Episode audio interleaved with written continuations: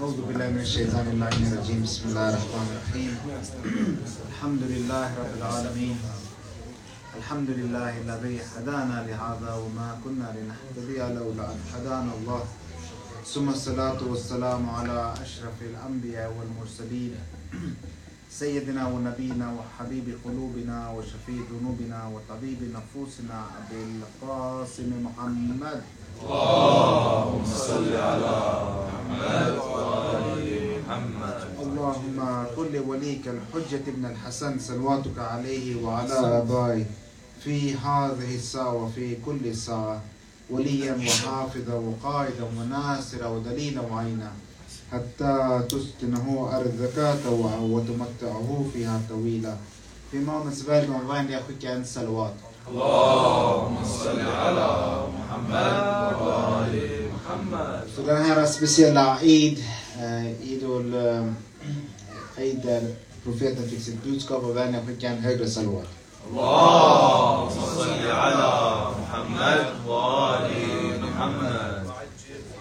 Vi tackar Allah subhanahu wa ta'ala ytterligare en gång för att få möjligheten att samlas på det här sättet på så här glädjande dag. Och eh, vi ska inshallah hålla en föreläsning om profeten. Vad ska man annars prata om på en sån här fin och vacker dag? Eh, inshallah jag har en liten twist på föreläsningen på slutet. Vi ska kolla om den håller eller inte. Eh, jag satt funderar mycket på vad, vad kan man prata om, profeten. Och eh, subhanallah på morgonen så läste jag ett citat av Ayatollah Khamenei där han säger alla människor kommer att attraheras av islam om muslimer rättar till sig själva och kan visa människor det genuina och verkliga ansiktet av islam. Så om vi rättar till oss själva så kommer alla kunna attraheras av islam. Och det här är lite grann ämnet om det vi ska prata om. Profeten vid åldern av 40 år fick äntligen möjligheten vid det perfekta tillfället som Gud bestämde att börja komma ut med islam. Och profetens hela uppdrag, om man ska sammanfatta den, inte om vi ska sammanfatta, han själv sammanfattar den. Så säger han, Innama bu'ithu eh, li'utamma makarimul akhlaq. Jag har skickats, eller sänds, för att göra akhlaq perfekt. Hela hans uppdrag handlar om det. Och akhlaq är någonting som är jätteviktigt. Och det är det vi ska prata om. Broder Hassan nämnde nu i början att eh, Idul Mabath och Idul Meraj. Eh, när jag själv satt och kollade lite grann på det här eh, så finns det många riwayat och många hadiser som säger att Meraj, alltså Isra och profetens steg, eller åkte från Mecka till Masjid Aqsa och Masjid Aqsa till den sjunde himlen. Men vi har som shia väldigt starka hadiser som säger att profeten gjorde det här flera gånger, inte bara en gång. En av datumen är idag, en är under Shah Ramadan, en är under Rabil Awal. Och vi har till och med hadiser som säger att profeten gjorde Miraj 52 gånger. Så det som är absolut säkert idag är att det är Mabath, då profeten fick sitt första budskap av Jibrail a.s. Och vad hände? Jibrail a.s. kom till profeten sallallahu alaihi wa alaihi wa sallam. Allahumma salli ala Muhammad wa. Och sa Iqra Bismi rabbaka alladhi khalaq. Läs, säg. Och det var det, där det började. Nu. Akhlaq som profeten kom för att fullborda är så viktigt ämne. Har ni tänkt på en sak? Alla föreläsningar vi har haft. Egentligen, vi kan prata för Malmö för det här vi har varit. Låt mig ta några av Broder Essans ämnen. Han pratar om de fyra krafterna. Vad handlar det om egentligen? Det handlar om akhlaq. Eller hur? När vi gick igenom 40 hadiser, handlar det om akhlaq. Mycket av det vi pratar om faller under ramen av akhlaq. Om vi vill dela in religionen i tre delar så kan vi dela in den i usuledin. Mycket av det som föreläsningar också handlar om. Furuedin, alltså tro och sånt som man utför. Och den tredje delen är akhlaq. Det, är de som är, det är de tre huvudkomponenterna som religionen har. Om vi öppnar Koranen och kollar på alla våra verser vi har. Mer än hälften av verserna pratar om akhlaq. Syskon. Du kan vara den mest utbildade personen i världen. Men om du inte har akhlaq så kommer det inte hjälpa dig något. Du kan vara den mest mäktiga personen i världen. Har du inte akhlaq så hjälper det inte någonting. Du kan vara den mest givmilda personen i världen. Har du inte akhlaq så hjälper det inte någonting. Det var någon på jobbet igår. Jag har personligen försökt tona ner på politik och sådana saker på jobbet. Jag är trött efter allt det som händer i Gaza och ingen reagerar och man vet inte vad man ska göra. Så allt det med amerikansk politik och mellanösternpolitik, jag försöker tona ner det.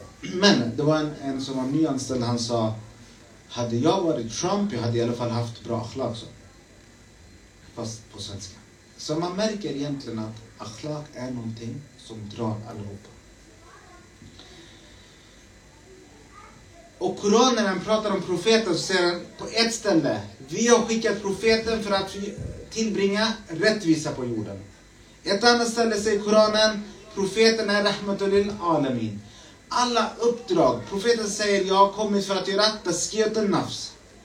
Alla uppdrag som profeten pratar om, profeten säger själv att sammanfattat är fullborda akhlaq. Så akhlaq är någonting som är väldigt, väldigt viktigt. Vi börjar från profetens samhälle. Vi har hört det här med att de eh, begravde tjejer levande. Men inte bara det. Innan jahil, eh, under jahiliya-tiden, innan profeten kom, det var mycket bråk i samhällen. De bråkade om de mest konstiga sakerna. De rikaste, hur mätte de sin rikedom i antal får de hade?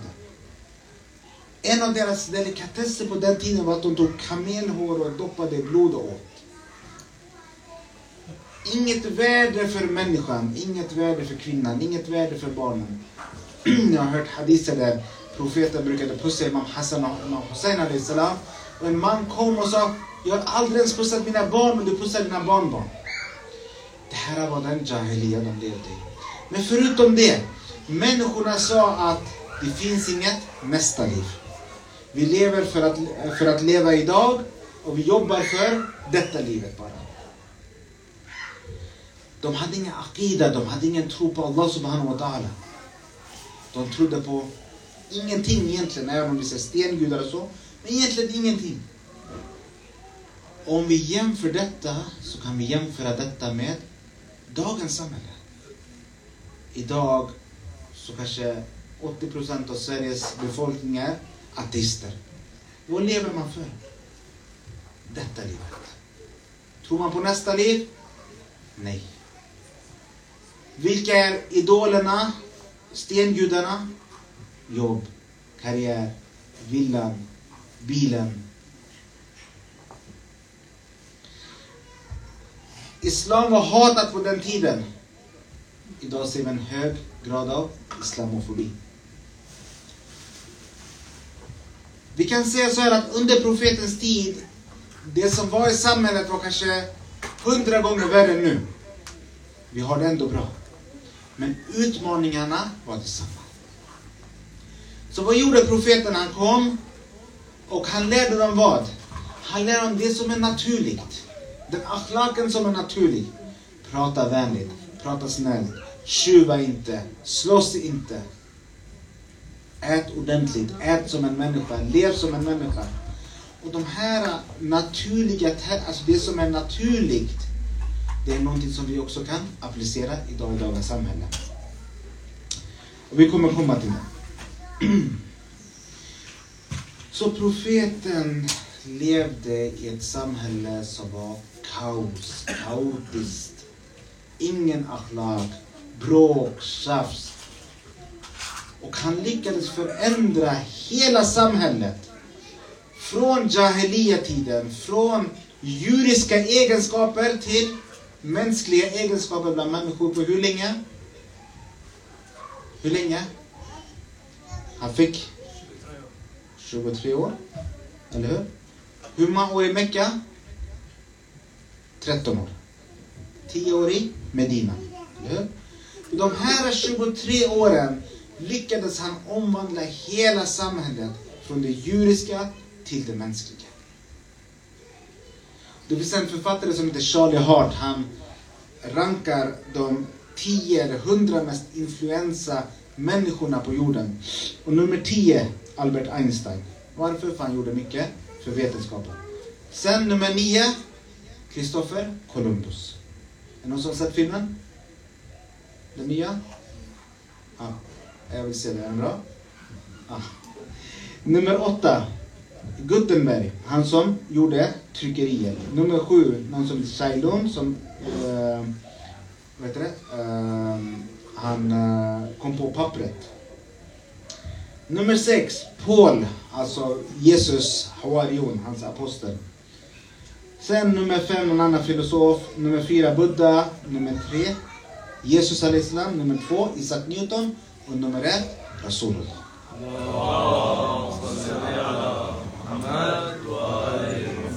Så varför? Hasif, han gör den här rankningen varje år. Han säger varje år, det som profeten lyckades göra på en så kort tid. På de här 23 åren har varit någonting som ingen människa har kunnat göra genom historien. Och vi ser det idag också. På vilket sätt? Kolla syster. Den kärleken som vi muslimer, oberoende om du är shia-muslim, sunni-muslim eller någon annan typ av muslim, har för Rasulullah är någonting som världen inte kan förstå. När Lars Vilks gjorde de här äh, karikatyrerna. Hela muslimska världen stod upp i alla länder. En person som levde för 1400 år sedan och ställde sig för honom. Det här är en kraft. Det är en makt. Var kommer den här kraften ifrån? Varför är våra hjärtan så fyllda med kärlek idag för Rasulullah? Ingen annan person.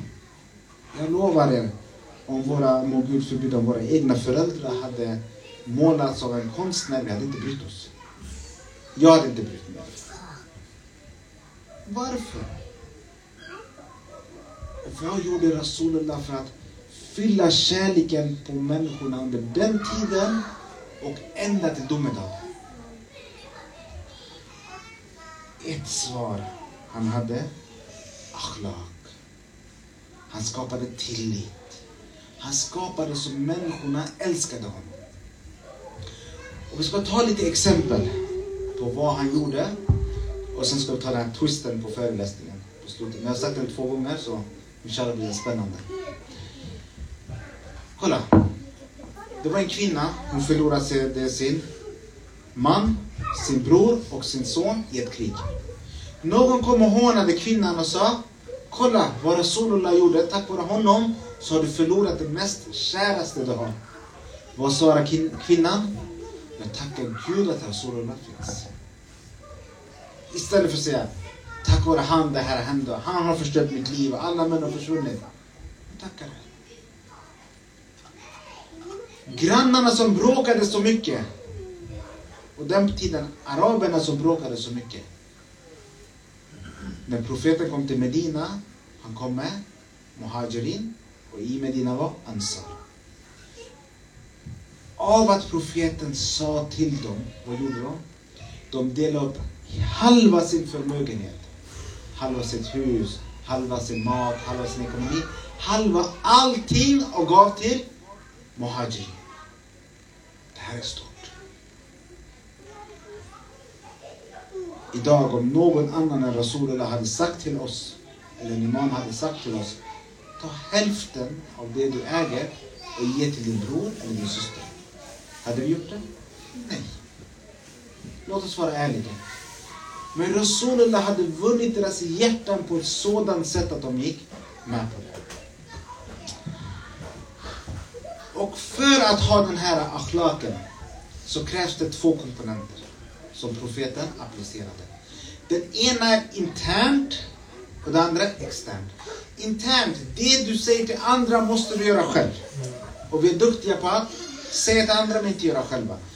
Men kolla hur hans renhet var. Det är månaden Rajab, månaden av istighfar. Rasulullah själv gjorde mycket istighfar. Vi brukar säga 70 istighfar per dag. Det var säkert mer. Rasulullah gjorde istighfar och grät.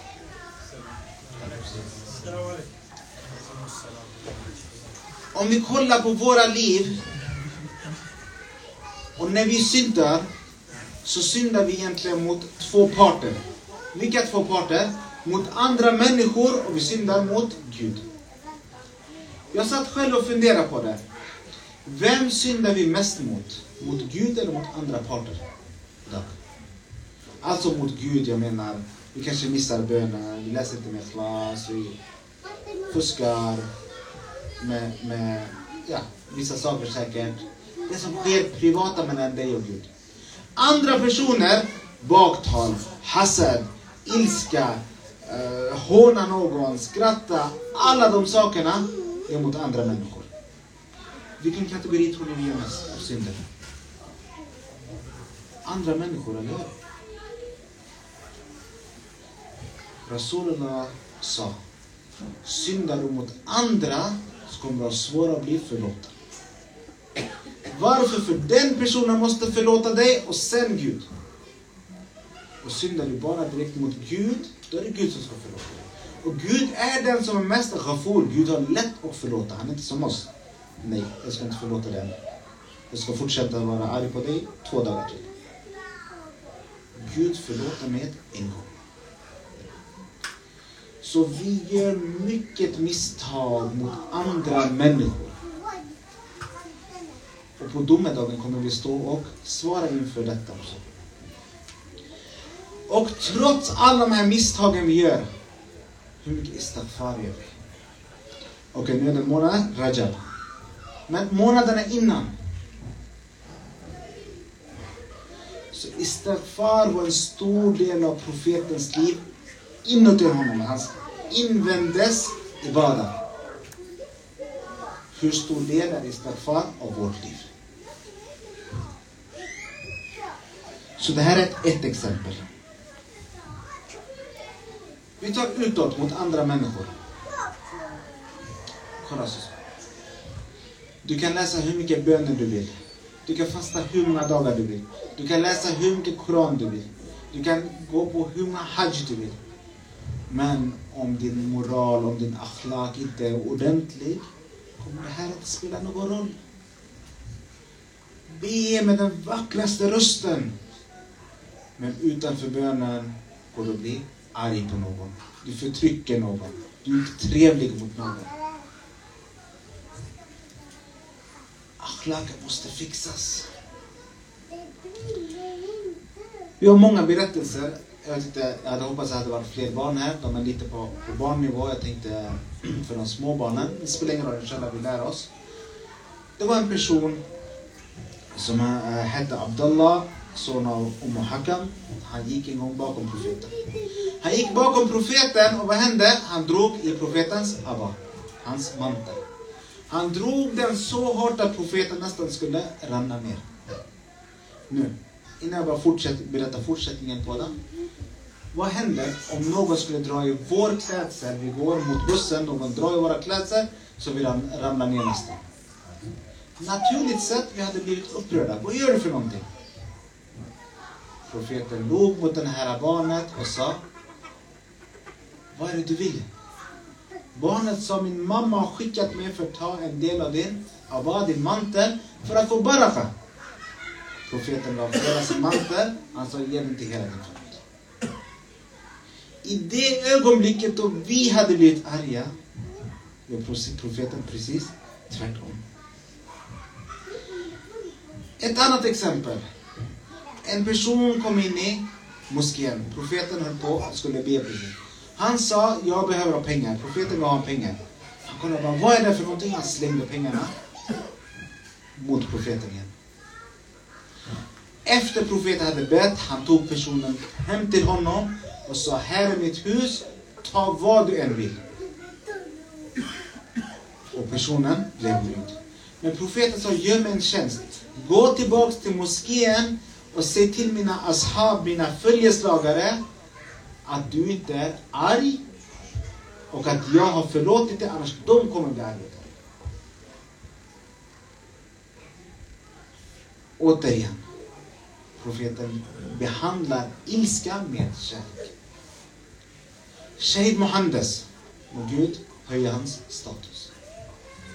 En dag kom en man till honom och sa, jag har baktalat dig. Han log och sa, jag är säker på att det är tråkigt den dagen. Om någon kommer och bak säger, jag baktalar, vad har du sagt? Varför sa du så? Vad har jag gjort mot dig? Det här är profetens akhlaq. Så vad är lärdomen? Lärdomen är att så fort någon sårar oss, så fort någon gör oss arg, så är medlet att förlåta. Det är botemedlet. Inte att bli arg tillbaka. Jag har sagt det här exemplet tidigare också. Guantanamo Bay-fången han som de har gjort en film om med bland annat Judy Foster, Mohamedou. De torterade han i 14 år i Guantanamo Bay under de mest fruktansvärda omständigheter och hotade honom att de skulle göra det här med hans mamma och familj och så vidare. Han fick lyssna på värsta musiken i 24 timmar och han blev själv galen när han kom ut. Och sa han, han sa enda sättet för mig att klara mig efter en 14 års tortyr är att jag förlåter dem som har torterat Och han ringde upp dem. Jätteintressant dokumentär. Jag tror den är borta nu men ni kan säkert kolla den online. Man ringde upp varenda person som hade torterat honom. Han sa Hello, I forgive you. Alltså vi vill inte ha din förlåtelse. Han sa, nej det är lugnt. Jag förlåter er ändå. Jag sa, men vi vill inte att du ska förlåta. Jo men jag vill förlåta er. Och han sa att genom att jag förlåter dem, jag gör dem så små och jag gör mig så stor. Subhanallah, det här är vackert. Så akhlaken är A och O för oss muslimer. Från Rasulullahs tid fram till domedag. Och speciellt i dagens samhälle. Speciellt i dagens samhälle där islamofobin växer, där muslimer är hatade, där muslimer representeras av en bild av de som är bidragstagande, av de som är fuskare, av de som är kriminella, av de som svär, av de som inte har vårdat språk och så vidare. Om vi vill följa Rasulullah så är akhlaken det viktigaste. Så vi ska ta fyra tips idag, avsluta med den från Ahl al-Bayt, från Rasulullah och hur vi kan avsluta, hur vi kan överleva i dagens samhälle på bästa sätt. Ledsen salvat.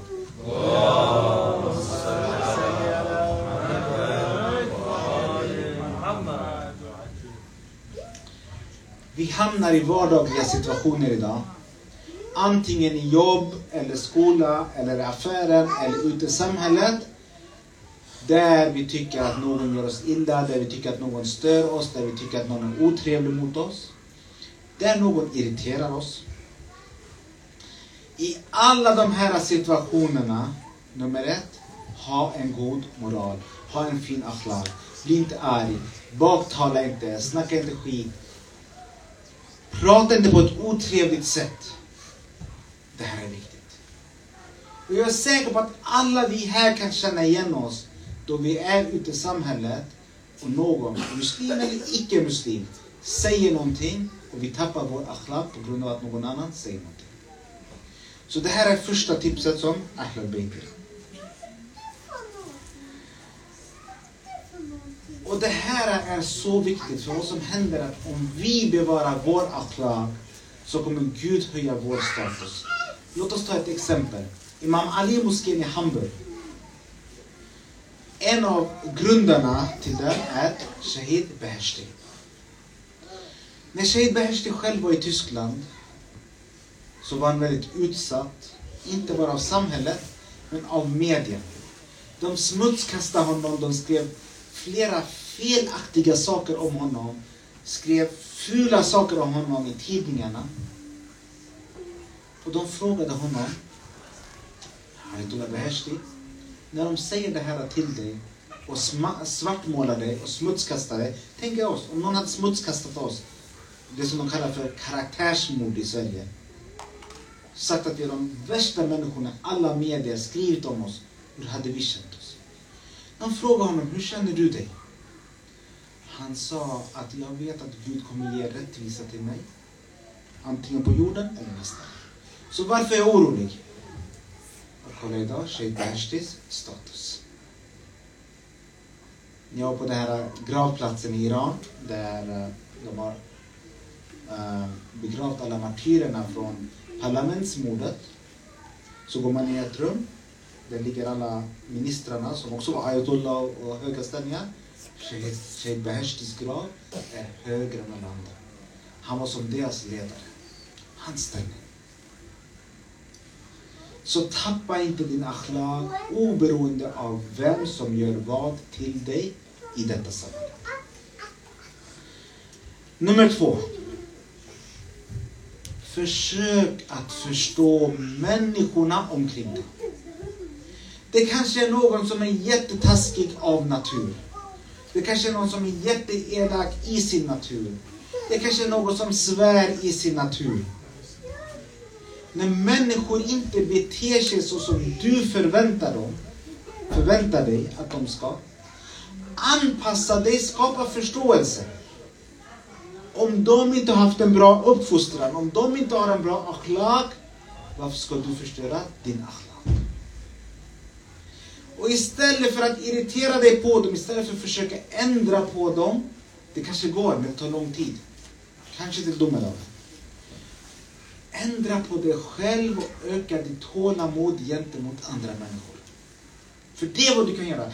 Du har alltid makten att ändra på dig själv. Så när det är människor ute i samhället som du har svårt att tolerera på grund av det ena eller andra, det kan vara ditt fel också. Ändra på dig själv. Första. Nummer tre. Vad var profeten känd för? Att alltid le. Var glad, var positiv. Sprid det här positiva ut i samhället. Jag har själv försökt. Jag kan säga att när jag försökte så sa de till mig du är så irriterande för du är jämt glad. Så de stödde sig på att jag var glad. Det är därför du har slutat eller? Nej, jag fortsätter.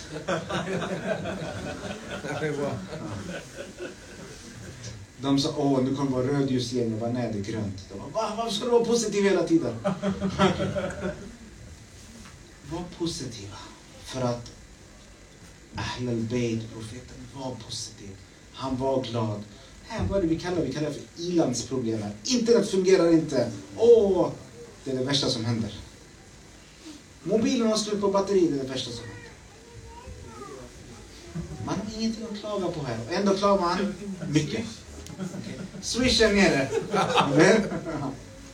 Det är de här problemen. Okay. Och subhanallah, om det är de här problemen, vi ska säga alhamdulillah, det är bara det. Så var glad, var positiv. Se det från det positiva. För vi kommer kunna påverka människor på det här sättet. Den här positiva energin kommer direkt från Ahlul Bayt till oss. Och nummer fyra. När någon pratar med oss, ha uppmärksamhet. För det är kanske är någonting viktigt att säga. Titta inte på mobilen. Ge personen respekt och tid. För Rasulullah gav respekt allt från djur till barn, till kvinnor, till män, till gamla, äldre. ge människor uppmärksamhet så de känner sig hörda. Egentligen, det är inte för deras skull, det är så att du ska kunna få någonting från dem. Idag, mycket av äktenskapsproblemen som vi har statistiskt sett är för man inte har tid för varandra. Tiden är fortfarande 24 timmar.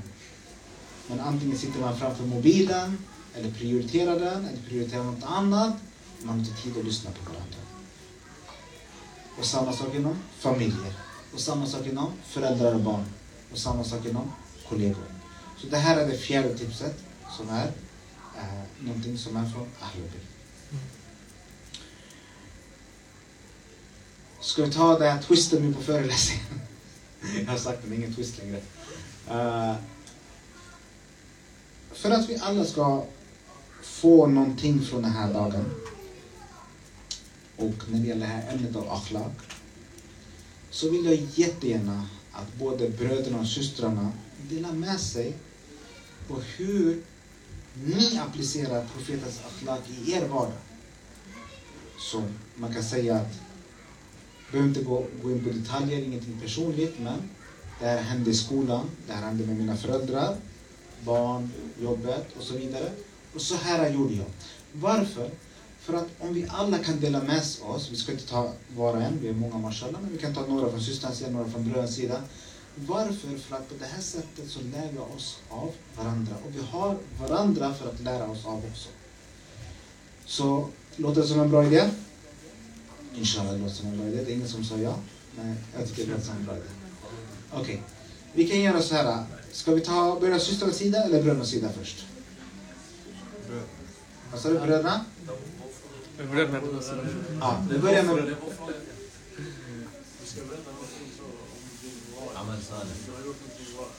Ja. Ut, ut mot samhället, okej? Okay? Okej. Okay. Vi börjar med brödernas sida. Och för att det ska komma in i alla inspelningar och så, du har en mick där, men jag kan repetera frågan också, eller det ni säger också. Så, Bismillah, vilken bror vi börjar? Och dela med sig. Det här är Eid, det är profetens Eid. Om ni inte delar med er idag, då har vi ingen föreläsning nästa vecka. Jag inte vad han egentligen Lyssna på honom. Ja, alltså hörs högtalaren eller? Nej, du hörs där i live. Nej, men i mitt yrke så jag träffar mycket folk hela tiden. Människor, jag jobbar bara med människor. Så det här är en som kom och mitt namn, jag heter Amir. Och så han sa, kolla han här Mohammed. Och jag kollar på hans tröja så har han eh, SD också. Liksom, han är SD-anhängare. Jag sa, Nej, mitt namn är Amir, välkommen in och det är mig, jag kommer liksom hjälpa dig idag. Så sa han, ja jag tror det var den där Mohammed. Ja. Men det är samma sak, ni, ni heter alla samma sak. Så. Så, under, under hela gången så, så var jag bara som vanligt med honom, snäll och glad och positiv och hjälpte honom jättebra. Så I slutet så gick han ut och sa han till mig, alltså du var riktigt duktig. Och han var jätteglad och började liksom säga mitt namn. Så man kan ändra, ändra på det genom att ha bra moral och inte bli aggressiv. Kanske någon annan hade den sitsen Ja, alltså kanske för, förnedrat honom tillbaks eller sagt något konstigt till honom tillbaks. Men det var ära att bli kallad Mohammed.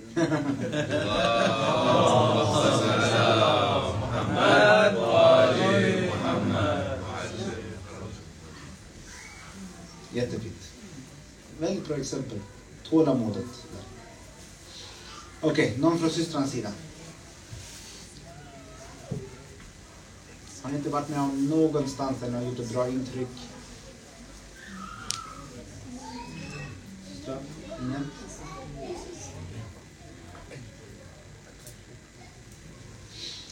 Systrarna vågar inte verkar som. Och det är okej, okay, Okej, bröderna? Har ni också hijab på er?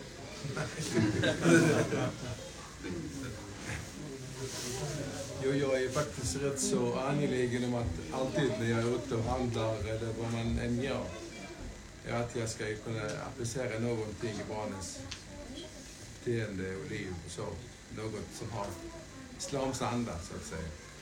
Så vi var ute på eh, Maxi Toftanäs, tror jag det var, och handlade. Eh, där vi fick ju, eh, den goda tiden så var ju kontanthantering.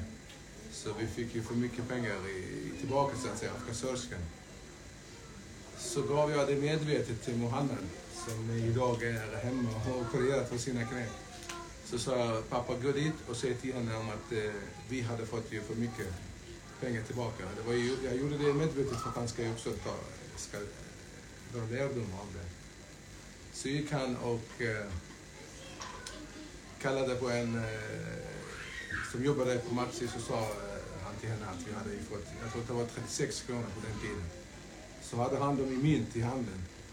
Så sträckte han eh, fram handen och skulle lämna det till henne och sa att vi hade fått för mycket tillbaka. Så hon tittade på vad han hade i näven. Så knöt hon tillbaka hans näve. Så sa du har en plats i himmelen, sa hon. Du får de här pengarna av mig. Åh, oh, så glad han blev. Jag tror att han kommer aldrig faktiskt glömma det. Ja.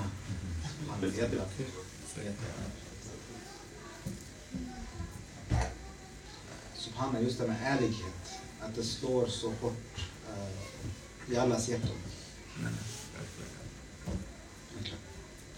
Vi har en syster där. Uh, ja, är någon? Vill du säga syster? Ja, ibland Du kan micken bara under. Gör det under. Ja, okej. Jag har inte förberett någonting men eh, ibland när jag kör bil i Malmö så blir jag jättearg för att folk är vårdlösa. Men jag tänker på att jag har hijab så jag visar inte det. Mm. Det minns det jag hade det inombords. Det är svårt. Ja, men det är en sån sak att vi, eh, vi måste alltid visa att vi är på det eh, alltså på bästa sättet. Just för att idag eh, att så mycket negativt knyts till muslimer. Så därför måste vi kämpa extra hårt. Och, och det är svårt. Här. Det är svårt. Ja. Ja. Jag delar med mig ibland är svårt att vara väldigt, väldigt orolig på arbetsplatsen. Jag har alltid går, alltså jag jobbar med människor men jag går korridorerna så hälsar jag dubbelt liksom och skrattar jag med. Och nu är de så trötta, de bara gjorde från mig. De bara, vi orkar inte hända så mycket hela dagen. Ja, det är också en sån sak att vi, vi ger mycket värme när vi hälsar på människor. Eh, Det är inte så mycket i samhället på det sättet. Det är så, tja, tjena. Och så, Helst inte. Hälsa, de vill inte alls hälsa på någon. helst inte liksom. Det ska bara vara, liksom, prata till mig, prata till dig. Nej. Men vi hälsar för säkerhetens skull. Ja, egentligen. ja. Salam med alla. Alltså, egentligen. Så det, är så här, det, Mm. det känns säkrare att gå förbi någon och säga hej. Mm. Gå förbi. Annars, man vet inte vad man tänker. Jag kommer själv ihåg att det, eh, en av mina kollegor i början sa till mig Varför frågar du mig hur jag mår? Varje dag. Är jag sjuk? Alltså, så, och, och jag blev jätteförvirrad. Så jag, vad ska jag säga? Han, ska säga, han sa, säg bara läget. Det är bra. Du behöver inte fråga hur jag mår. Så det, är- det är kulturskillnader där, men där tror jag att vi kan ge en väldigt positiv kultur och positiv intryck faktiskt. Jättebra. Uh, fikat är klart. Vi kan först, kanske fortsätta prata i smågrupperna. Uh, och, ja. ja.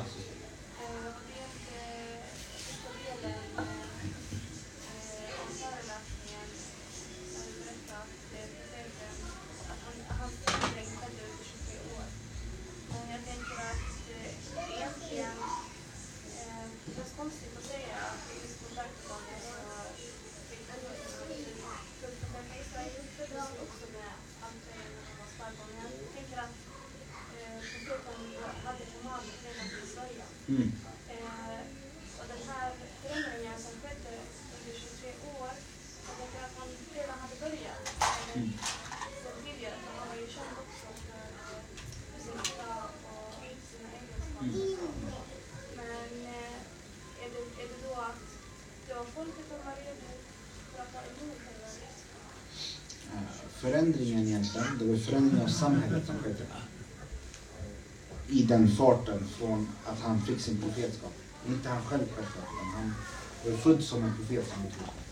Broder, kan du ta frågan? För det är lite svårt att höra. Ja, systern sa att förändringen som skedde de sista 23 åren som jag sa, eh, att, eh, att eh, det kan inte varit de bara de 23 åren förändringen skedde. Och jag kanske var lite otydlig men det var samhällsförändringen från Jahelia-tiden till att de blev insan och människor. Det är den förändringen vi pratar om. 13 år och 10 år. Men profeten föddes ju som en profet, som vi tror på. Och att när budskapet kom, det var Gud som planerade att exakt den här tiden och tillfället, då är alla redo och, och ge ut det. Men eh, svara på din fråga syster, eller som var ytterligare? Eh, har faktiskt något jätteviktigt som är relevant i ämnet. Ja. Malmö stad inbjuder till öppet samråd om förslaget till handlingsplan för Malmö stads arbete mot islamofobi och anti- antimuslimsk rasism. Mm. Så det här är ett gyllene tillfälle för de som fick chansen att delta, att verkligen förmedla just det här. När är detta? Det är imorgon. Imorgon. Tyvärr är det fullbokat. Följbo. Jag har sett inbjudan, jag vet inte, de brukar ha ganska begränsade platser. Ja, men det var ju ganska god tid, gott om tid. Ah, Okej, okej. De kunde ju faktiskt anmäla. Mm. Mm. Sätt. Vad som händer när man får panik. Du sätter ögat det är på sant. Du stängt av lösningen? Nej. Nej, du kan stänga av det. Uh, kolla syskon. Det vi har pratat om idag, bara för att avrunda. eh, det har på ett sätt varit ganska